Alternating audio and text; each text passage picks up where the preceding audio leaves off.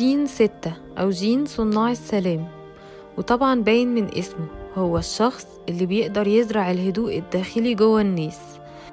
عنده وعي مشاعري كبير جدا فبيعرف إمتى بالظبط يتكلم ويقول اللي في قلبه. أنا إيفون ماتا ودي سلسلة مفاتيح الجينات. كتير من المواقف في الحياة بتكون عاطفية أكتر ما هي عقلانية. جين ستة بيقدر يضيف وعي للمواقف دي.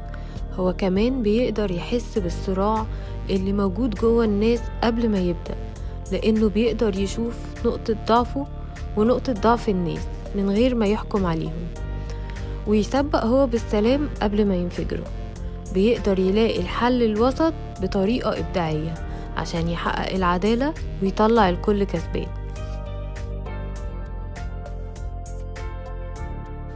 صانع السلام بيشع طاقة قوية بتقدر توصل للمجالات الطاقية بتاعت الناس وبتحتك بيهم من خلال المشاعر والحميمية ولكن مش بطريقة مغرية.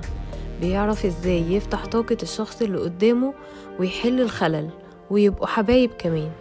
على المستوى الجسدي السلام النفسي بينظم درجة الحموضة في أجسامنا ويمثل التوازن بين الأحماض والقلويات اللي بتأثر على صحتنا.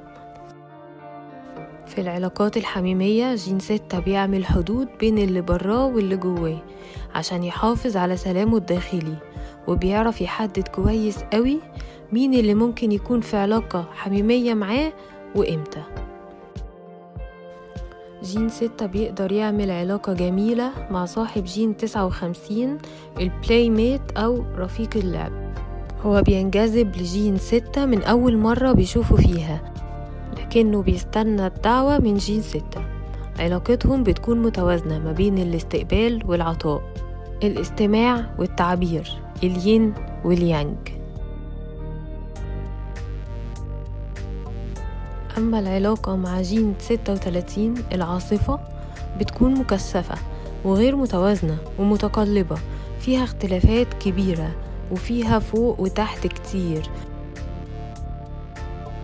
ولكن الجاذبية القوية بينهم بتخليهم يعترفوا بالاضطراب العاطفي ويحتضنوه برحمة ويقبلوا اللذة والألم مع بعض.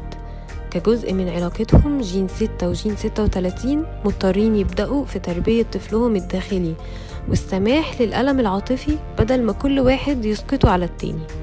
لما بيكتمل الشفاء العلاقة دي بتتلاشى تلقائيا من نفسها. لو عندك جين ستة متفعل فعليك إنك تفرق بين الانجذاب العاطفي والانجذاب الجنسي وما تدخلش في أي علاقات بتهور لأنك لو دخلت في العلاقة بدون تروي هتلاقي نفسك مش قادر تثق بالكامل وتفتح قلبك. لكن لما بتستنى وبتقيم العلاقة بتكون قادر تفتح قلبك وتكون على طبيعتك.